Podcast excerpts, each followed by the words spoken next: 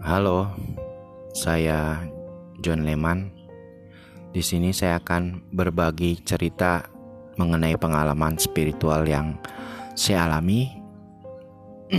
Jadi seperti pengalaman hmm, di luar nalar manusia ya, pengalaman gaib yang di mana lu orang-orang lain nganggap lu aneh atau bahkan diri lu sendiri kayak gue menganggap apakah gue ini aneh atau gila ya nggak tahu.